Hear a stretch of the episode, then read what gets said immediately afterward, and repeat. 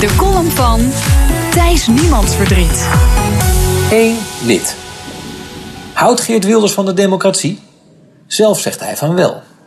Toch dreigen we dankzij hem straks te belanden in een situatie die vanuit democratisch oogpunt op zijn minst merkwaardig is. Stel, de PVV wint de verkiezingen van 15 maart. Dat is niet ondenkbaar. De grootste fractie in ons democratisch gekozen parlement is dan van een partij die zelf geen democratie is. De Vereniging Partij voor de Vrijheid telt namelijk maar één lid. En dat is Geert Wilders.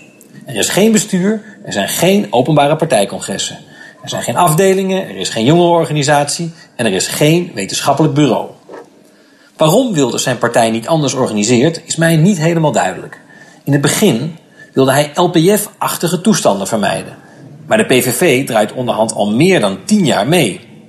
En het hoeft ook helemaal niet op deze manier. Wilders zijn geestverwanten in het buitenland, Front Nationaal, de Deense Volkspartij, de FPE, hebben allemaal wel gewoon leden en partijcongressen. Waarom doen de andere politieke partijen in de Tweede Kamer na 15 maart niet het volgende? Ze zetten in de wet dat alleen democratische ledenpartijen op het stembiljet mogen staan. Wie wil meedoen aan de democratie, moet ook zichzelf onderwerpen aan democratie. Dat is geen onredelijke eis, lijkt me. In Duitsland staat het zelfs in de grondwet. Ledenstructuur verplicht. Als dat gebeurt, zijn er twee mogelijkheden.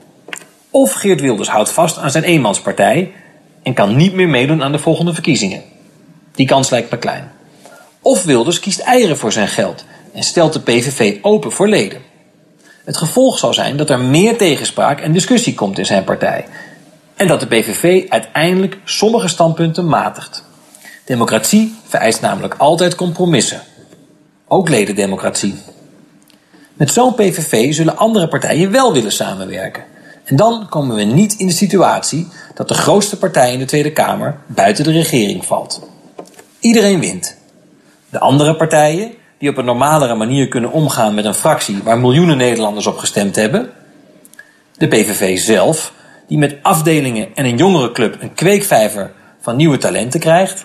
En tenslotte de PVV-kiezers, die straks het gevoel zullen hebben dat hun stem niet voor niets is geweest, omdat hun partij werkelijk in aanmerking komt voor de machtsvorming. Zelf zal Wilders er niet aan beginnen, maar de andere partijen kunnen hem er wel toe dwingen. Ook dat is democratie. De column hoort u van NRC-redacteur Thijs Niemands Verdriet. En die kunt u terugluisteren op bnr.nl en op de BNR-app.